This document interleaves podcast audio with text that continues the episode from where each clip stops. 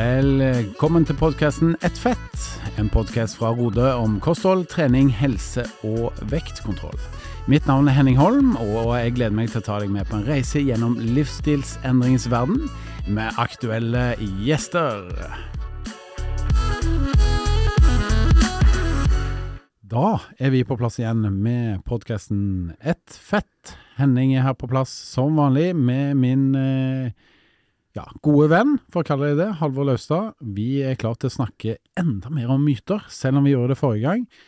Vi skal i dag eh, gå gjennom en fem-seks myter som er veldig vanlige. Sist gang diskuterte vi en del kostholdsmyter, men i dag, Halvor, skal det handle litt mer om trening òg. Litt mer om aktivitet og trening, og vi har jo, i hvert fall du, har en del venner som vi ofte er i snakk med på fritida og i festlige lag, som det heter. Og da er det jo ofte at eh, en del oppfatninger og myter dukker opp, iallfall eh, når jeg treffer folk som er litt nysgjerrig på å få bekrefta helsa, eh, det de har hørt om et eller annet som har med trening å gjøre. Så vi skal vel prøve å ta tak i et par av de.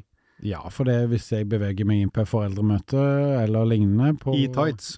i tights, hvis jeg kommer løpende fra jobb, vel å merke, så er det en del som spør om ulike ting, og gjerne ting som de har lest om i avisen, eller hørt fra venner og bekjente. Og en ting som jeg av og til hører, det er at jeg skulle gjerne trent uh, styrke, men jeg blir diger med en gang jeg tar ei vekt. Jeg blir diger av styrketrening, jeg blir stor og muskuløs. Og er det sånn at det stemmer, sånn utgangspunkt, her, Laustad? Nei, jeg er vel et uh, kraftig bevis på at det ikke stemmer i det hele tatt. I jeg fortsatt trener en del styrketrening, men det, visuelt sett så ser det ikke ut som jeg gjør det i det hele tatt, uh, hvis jeg skal være helt ærlig. Nei, og um, for å oppklare litt her, de som ikke da har sett uh, verken bilder eller nakenbilder av Halvor, så kan jeg vel si at uh, du er jo en slank uh, kar, men du har jo ikke veldig store muskler. Altså, Takk for det. Eh, vil jo si at hvis du har dratt av deg på overkroppen, så vil nok veldig mange blitt imponert. Du, er, du har lav fettprosent og, og ser godt ut til å være en mann i sin beste alder, men du har ikke svære muskler. Det har du ikke, men du trener styrke nesten hver dag. Ja, ja, nei, jeg trener styrke ofte, jeg altså. Eh, både for at jeg tror jeg gjør meg bedre som syklist, men også for å ta vare på være litt sånn robust, da, selv om jeg ikke er så sterk, så at jeg skal tåle en liten trøkk. Men dere kan jo prøve å søke på Halvor Lausa naken. Jeg håper dere ikke får noen treff. Jeg håper ikke det. Jeg vet ikke om jeg har noen motivasjon for å søke. Det, jeg tror faktisk det er ingen som har gjort det, for de få gangene jeg har googla meg sjøl, og det gjør man jo selv om man later som man ikke gjør det, så har ordet naken aldri kommet opp etter at jeg skrev mitt eget navn. Det har bare kommet noe forfatter eller trening. Det er bra. Det var egentlig godt å høre det, må jeg si. Jeg kunne faktisk vært eh, undertøysmodell i Brisbane det året jeg var sånn eh, utenlandsstudent i Australia. Eh, da var det, da jeg jobba på en pub, så var det en fotograf som spurte om jeg ville stille opp. Eh, og så tenkte jeg ja, det kan jeg jo prøve på. Men eh, etter at de hadde møtt meg dagen etterpå, så var det ikke aktuelt lenger. Altså, Fra fotografens side, altså. ja, så hvis du stiller opp som en sånn pinup-modell, da er det fra isen i så fall. Jeg tror de skjønte at han kisen her, han skal ikke være på noens kalender. Ferdig med det. Ikke sant? Men dette med å bli diger av styrketrening, da. eh, det er jo noe som veldig mange tror på, og dermed kanskje ikke tør å trene så veldig med styrketrening. Men det er vel en del sånne rammefaktorer som må være på plass dersom man skal legge på seg masse muskelmasse. For det første så må du trene ganske tungt. Du må trene ganske mye, og så må du spise eh, ja, gjerne et sånt eh, overskudd av kalorier for å få det til. Ja, du må i hvert fall ha en god del protein og planlegge matinntaket godt. i hvert fall. Ja, du må spise riktig og spise nok. Eh, trenger gjerne ikke et overskudd, men du må i hvert fall kanskje ikke heller ha et stort underskudd, eh, vil jeg si sånn i utgangspunktet. Så det skal jo vel ganske mye til for å bli diger og styrketrening. Du må gå målbevisst inn for det, med andre ord. Men jeg tror vel litt av grunnen til at den myten fortsatt lever, er jo at styrketrening gjør man jo primært for å bli sterkere og øke muskelmassen. Mm. Det er jo det som er utgangspunktet, så det er kanskje derfor man tenker at uh, uh, man tenker å trene så mye for å bli mye større, men det er vel der differansen er at uh, ja, du blir sterkere av styrketrening, men for å bli større av det, så må du faktisk trene i hvert fall ganske mye mer enn et par ganger i uka, sannsynligvis. Ikke sant. Så styrketrening er ingenting å være redd for dersom du ikke ønsker å bli veldig stor. Styrketrening er noe som passer for alle, uansett alder. eh, Og egentlig uansett eh, hvilke mål man har òg. Det å bedrive litt styrketrening, det er jo faktisk ganske gunstig for helsa vår, ikke sant? Ja, man blir mer robust. Eh, man eh, blir sterkere, som kan hjelpe i hverdagen. Hvis du har sånn som meg, som har unger som er så store nå at de, hvis jeg skal dytte de unna, så må jeg være ganske, utvikle mye kraft. Uh, og når jeg skal dytte de ut av huset om et par år, så må jeg være enda sterkere. I tillegg til at man tåler litt mer hvis man går på trynet, eller sånn som det er vintersesong og ramler og snubler og sånn, så er det greit å ha litt rann å, å gå på når man eh, treffer bakken, og ikke er et aspeløv. Mm, mm. Så har du kanskje lyst til å si sånn i forhold til hvis, ja, gå i bakken, altså skaderisiko. Det er jo det du egentlig snakker litt om da, her, eh, Halvor. Ja, altså skaderisiko i sport, men også det her hvis man er såpass inaktiv, eller kanskje begynner å bli gammel at man eh, tenderer mot beinskjørhet, så er jo styrketrening et utmerket middel for å eh, gjøre noe med det. Mm. Reversere de prosessene som gjør deg veikere i skjelettet. Så alle som er på min alder, som nærmer seg døden Så gamle er vi. eh, Vi bør faktisk gjøre litt styrketrening for å passe på skjelettet vårt, om ikke annet. Bra. Uh, vi skal gå da videre til uh, dagens uh, tema, som er myter og påstander om trening som vi oftest hører på jobb og fritid. Dagens eh, gjest eh, på mytetemaet som vi går gjennom i dag, det er Karoline. Du har jo mer, mer eller mindre blitt sånn fast gjest du nå de siste episodene her. Velkommen tilbake. Tusen takk. Jeg syns det er utrolig hyggelig å være her med dere, så takk for at jeg blir invitert. Ja, og takk for at du setter av tiden. Eh, Du er jo I en travel hverdag. Ja, ikke sant? Og du har jo tre barn og full jobb og singel og alle ting. Det, det, du har sikkert mye dates og lignende du skal av gårde på, så vi setter veldig pris på at du kom innom, da. Det går vel bare utover styrketreninga. Det er det du gjør.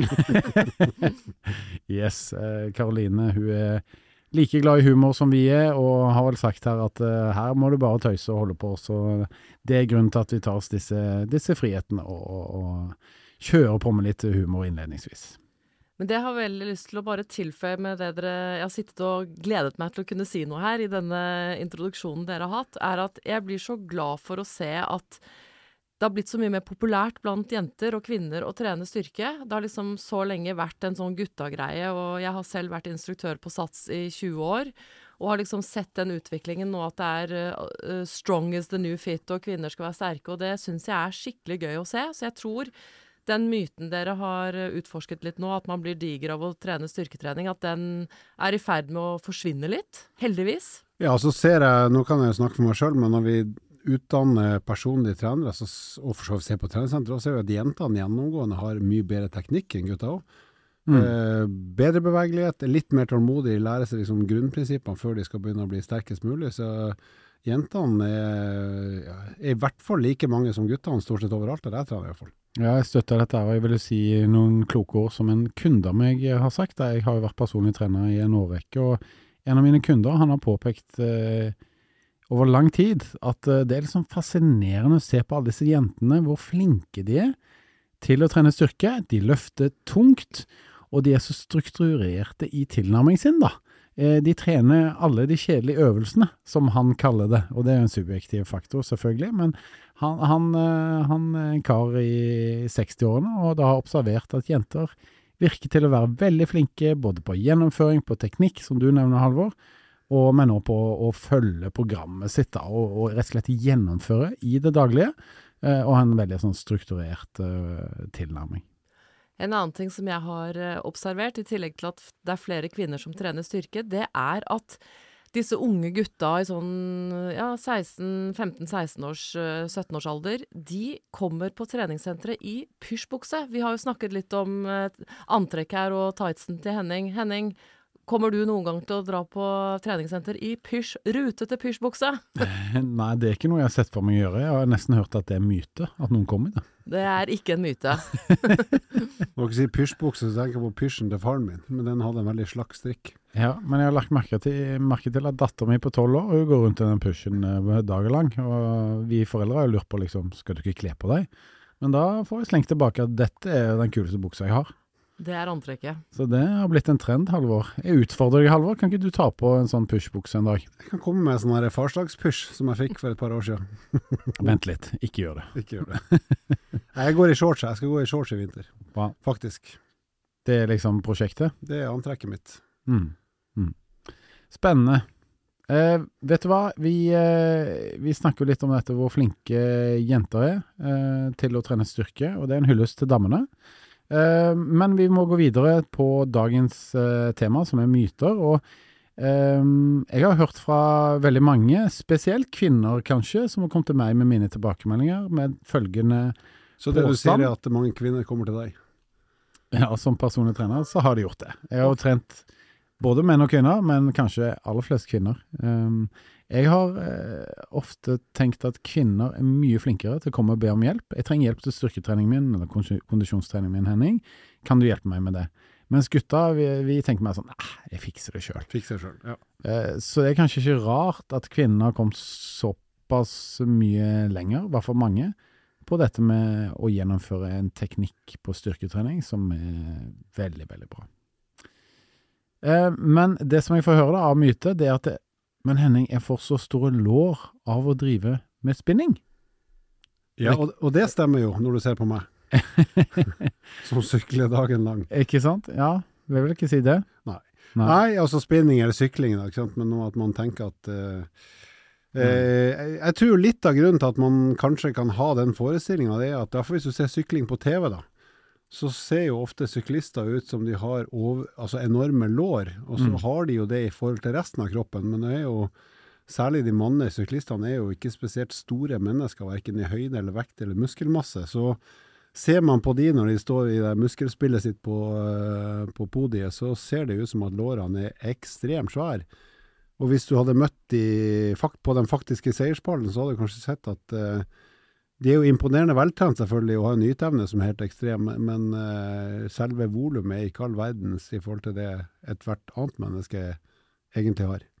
Og jeg er egentlig enig, Halvor, at når jeg da tenker på, og ser på sånn som deg, eller tenker på da Hushovd og Armstrong og sånn, det er ikke liksom lårene deres jeg tenker å shit, han har store lår. Men uh, Uh, hadde jeg vært bekymret for å få store lår, så hadde jeg jo kanskje heller uh, latt være å eh, gå på skøyter, da, eksempel. Men eh, det er vel ikke spinningen som er den verste idretten å drive med.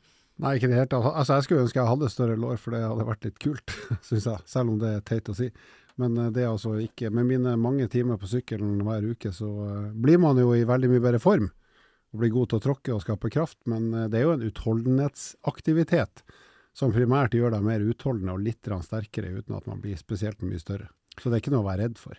Nei, så det er trygt å gå på spinning eh, dersom eh, man eh, ikke vil ha store lår. At det er ikke noe liksom, er et ønske man vil ha. Nei, spinning er jo bra for at du kommer i bedre form av det, ikke sant. Så, og så er- men en, en, sånn, en grunn til at kanskje noen allikevel tenker ja, men jo, men jeg kjenner jo at buksa er trangere etter treningsøkt likevel. Og det har jo med at du har brukt beina og låra mye i syklinga. Så hvis du tar en dusj rett etterpå og tar på deg de klærne som passer perfekt før timen, så vil du ha litt mer blod i lårene rett og slett for at du har brukt de. Så da kan det hende at buksa rett etter timen litt, føles litt trangere, og det er rett og slett bare for at blodgjennomstrømminga er forbigående litt høyere, og den eh, fordi at du har brukt beina masse. Så det er kortvarig. Og jeg vil jo si det at eh, mange av de som går på kurs hos oss, våre medlemmer, vi oppfordrer jo dem til å nettopp drive med spinning, for det er en liten belastende idrett. Du kan få til et høyt eh, energiforbruk. Det er snilt eh, mot knær og lår og det ene og det andre. Så det er absolutt en fin aktivitet man kan drive med på lavterskel, men også høyere terskel. Ja, og vi har vært sykkelinstruktør i ganske mange år, eh, Halvor. og det er jo en utrolig sosial treningsform òg, hvis man f.eks. går på gruppetrening på et treningssenter. Ja, definitivt. Og det fine der, syklene står jo bom stille, så det er ikke noe farlig. Og eh, om du tar i mye eller lite, det er jo ingen som ser. Du kan jo trene akkurat så hardt som du vil, og i den formen du er i. Men Halvor, nei Henning, du sier jo at du, du blir aldri svett. Blir du ikke svett på en spinningtime engang? Jo da, altså det er vel en myte. Ja. At jeg ikke blir svett, eh, for jeg blir svett. Eh, og det er ikke et fett. To, da. Nei da. Men uh, jeg svetter, jeg, og det tar bare litt lengre tid, og jeg må opp på veldig høy intensitet da, uh, før jeg svetter. Men hvis det er klamt og litt sånn dårlig ventilasjon i, i, i eh, rommet, så, så vil jeg jo svette. da. Men noen svetter litt mer enn andre. Hvis det er klamt i den kjelleren du er innsperra i, så svetter du. To minutter, Halvor. Vi går videre på neste myte, eh, selv om det er morsomt å snakke om spinning. Eh, og neste er jo da litt sånn relatert, men litt annerledes allikevel, og den sier følgende. Det er bedre å trene på lav intensitet, for da forbrenner man mest fett. Og den her er seigliva. Eller det her er virkelig en utbredt myte. Og grunnen til det er jo at den er delvis sann. Mm. Selv om det kanskje ikke er helt sånn likevel. Jeg skal prøve meg på en forklaring, så folk bare hiver dere på. Men vi kan gjennomgående si at jo lavere intensitet du arbeider på eller trener på, jo høyere andel av energiforbruket ditt kommer fra fettforbrenning. Fordi at fettforbrenninga foregår ikke så veldig kjapt, men den passer perfekt når du tar det med ro. F.eks. sitter stille eller går sakte, så jobber du med lav intensitet, og da vil andelen av den, de kaloriene du bruker, eller energien du trenger, vil komme fra fettforbrenning. Mens jo hardere du tar i, altså jo høyere intensitet du har, uansett form, jo mer avhengig blir du av karbohydratforbrenning, at den den gir deg energi litt raskere enn fettforbrenninga. Så derfor tenker mange at da skal jeg egentlig jobbe med lavest mulig intensitet i treninga også, for å forbrenne mest mulig fett. Og så er ulempen med å jobbe med veldig lav intensitet at da forbrenner du egentlig ikke så mye uansett. Ikke sant? Så hvis du holder på på lav intensitet i ett minutt, så kanskje du har brukt fem kalorier, da, mens hvis du har tatt i litt, så har du kanskje brukt ti. Eh, og det betyr at ok, av de fem kaloriene, hvis nesten alt av det er fettforbrenning, så har du kanskje brukt fem fettkalorier, da, for å si litt banalt, på å ta det med ro. Og hvis du heller gasser på litt og bruker ti kalorier i, eh, i minuttet, f.eks. ved å jogge istedenfor å gå, eller gå fort istedenfor å gå sakte, så, uh, så vil du gå ned i fettforbrenningsprosent, men likevel så vil jo andelen kalorier fra fettforbrenning bli høyere, fordi at totalen er høyere. Så av de ti kaloriene du bruker når du tar i mer, så er kanskje sju av de fra fettforbrenning og tre fra karbohydratforbrenning. Så du forbrenner dobbelt så mye, og du forbrenner også mer fett, selv om du i prosent går fra nesten 100 fettforbrenning til kanskje ned til 60-70. Ja, det forklarte du veldig godt, Halvor, og det er kanskje grunnen til at det er en sånn seigliva myte. Den lever fordi den er delvis sann, men når det blir forklart det her, så skjønner vi i Karoline at hm, høy intensitet, jeg forbrenner fett da. Ja, og at the end of the day så er det jo ikke så viktig hva det er man forbrenner, det er at man forbrenner som er det viktige, og som skal være målet. Ja, så jeg tenker at eh, når målet er å ha ei økt der du skal forbrenne mest mulig den tida du skal trene, så vil jeg tenke ta i så hardt du kan i den tida du skal holde på. Men klart skal du holde på i én time, så kan du ikke starte med full spurt. Det skjønner jo alle. Men da må du bare ha et gjennomsnittstempo som er greit nok. Men så er det én ting til som er litt kult med det å komme i bedre form, altså få bedre kondisjon uansett formnivå, så er det sånn at da vil du jo både øke forbrenningsevnen, fordi at formen blir bedre, så du kan egentlig holde, jobbe enda hardere enn før. Og så er det sånn at parallelt med at kondisen din blir bedre og forbrenningsevnen blir bedre, så blir du også flinkere til å forbrenne fett. Sånn at hvis vi tenker da, Armstrong, han var dopa da, men Hushov, de her som er utrolig gode utholdenhetsutøvere, de forbrenner jo utrolig mye, bruker fett som energikilde også på veldig høy intensitet. Mens eh, de som ikke er i så god form, de er ikke så flinke til å forbrenne fett når de begynner å jobbe opp i intensitet. Så det er også en sånn eh, tilleggspush til å komme i litt bedre kondisform. Det er at forbrenningsevnen totalt sett øker, og også evnen til å bruke fett på høyere intensitet kommer til å bli bedre. Mm. Veldig, veldig bra og godt forklart. Mens vi er inne på fett, la oss gå på neste myte. Og jeg husker en gang i tiden eh, OL på Lillehammer, og der var det en eh, ganske kjekk kar som het Johan Olav Koss som hadde noen svære, muskuløse lår. Og de var faktisk svære. De sant? Sett, de har sett live. Han dansa jo rundt til det ene og andre OL-gullet, og så skulle han legge opp eh, ikke så lenge etterpå. Eh, og da var det snakk om, det husker jeg faktisk, selv om jeg var veldig ung på den tiden, at eh, ja, men nå måtte Johan Olav Koss han måtte trene seg ned. Hvis ikke så ble eh, musklene til fett. Og det høres jo rart ut. Det gjør jo det, men det er jo en myte. Det er jo flere som er redd for dette her. Eh, at liksom, jeg kan ikke slutte å trene, og jeg har trent så mye og sånn. Hvis jeg slutter nå, da, da blir jo musklene til fett. Ja, Muskler blir til fett, og vice versa at noen tenker at fett kan bli til muskler. Altså Begge veier er jo en sånn utbredt myte. Ikke sant? Ikke sant?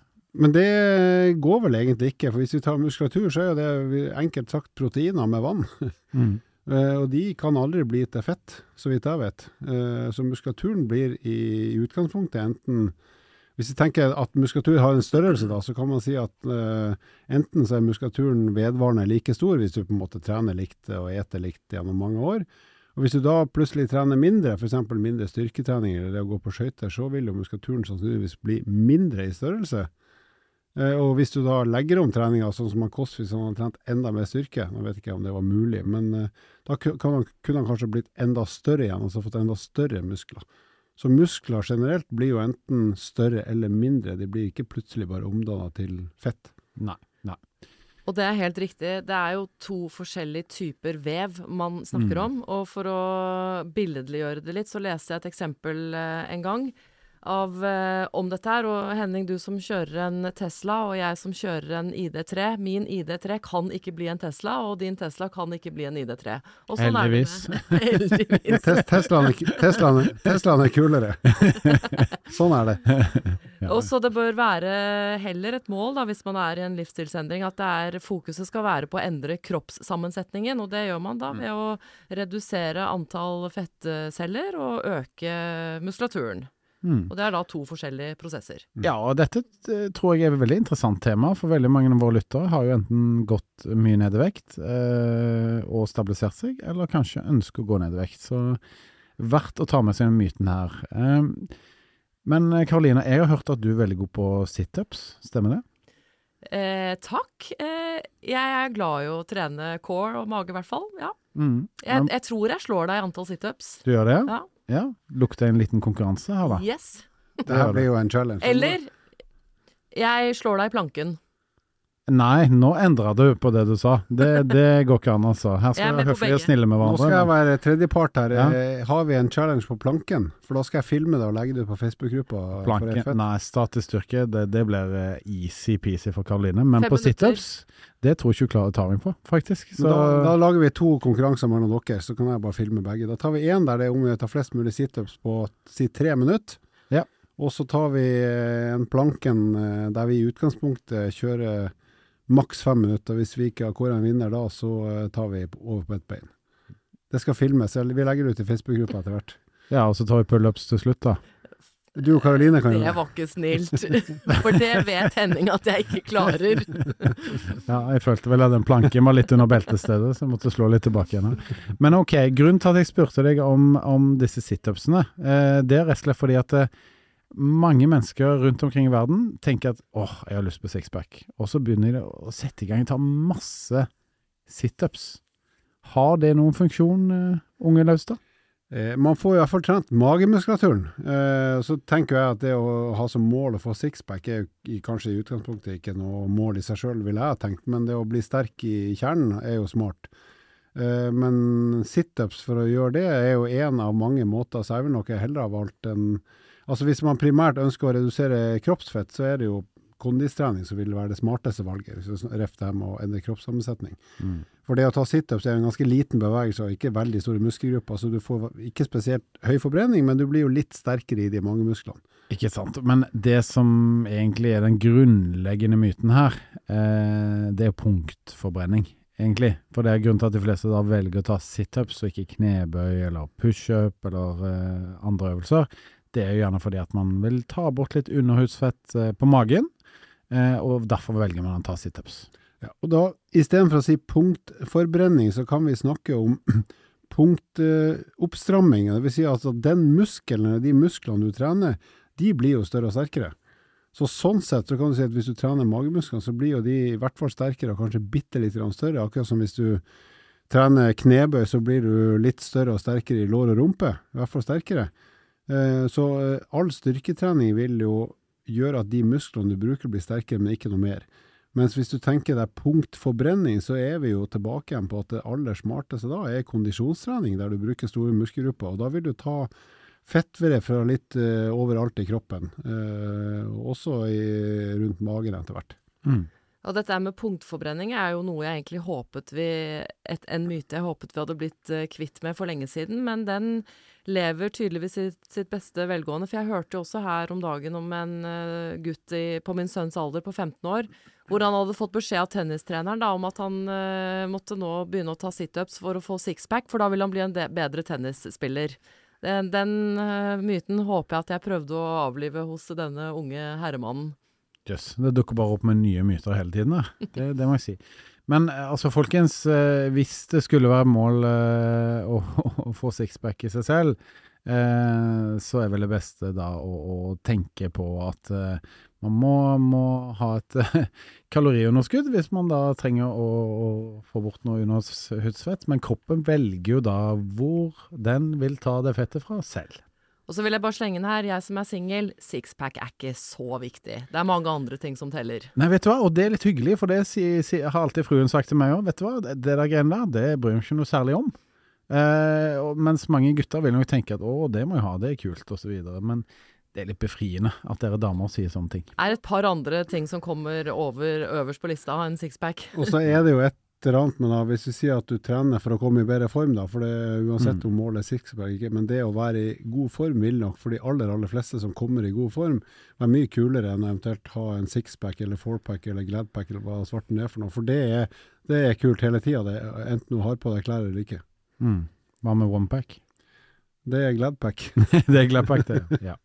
Nei, men uh, trening eh, for helse, for overskudd og kroppsbeherskelse, pleier jeg å si. Det bringer som oftest med seg en bonus, at man ofte ser litt bedre ut, og da får det være bonuseffekten. Det er i hvert fall min personlige mening. Men eh, vi skal ta med oss eh, en myte til, og Karoline, her har jo du litt mer kunnskap enn oss eh, to andre. Og den heter som følger Man bør spise så fort som mulig etter trening. Ja, vi anbefaler jo det at det er lurt å innta noe etter, eh, etter eh, en treningsøkt. Litt avhengig av selvfølgelig hvor hardt du har trent. Hvis du er i en vektreduksjonsprosess, så er det ikke så viktig at man spiser noe med en gang, for man skal jo fortsatt prøve å ha et energiunderskudd, og hvis du spiser masse med en gang etterpå, så kan det hende at eh, den treningsøkta At du faktisk får brant mer eller mindre enn det du ender med å innta. Men å spise lite grann, fylle på med litt eh, karbohydrater for å få litt sukker inn i kroppen igjen, og eh, protein for å sette i gang restitusjonsprosessen, det, det er klokt.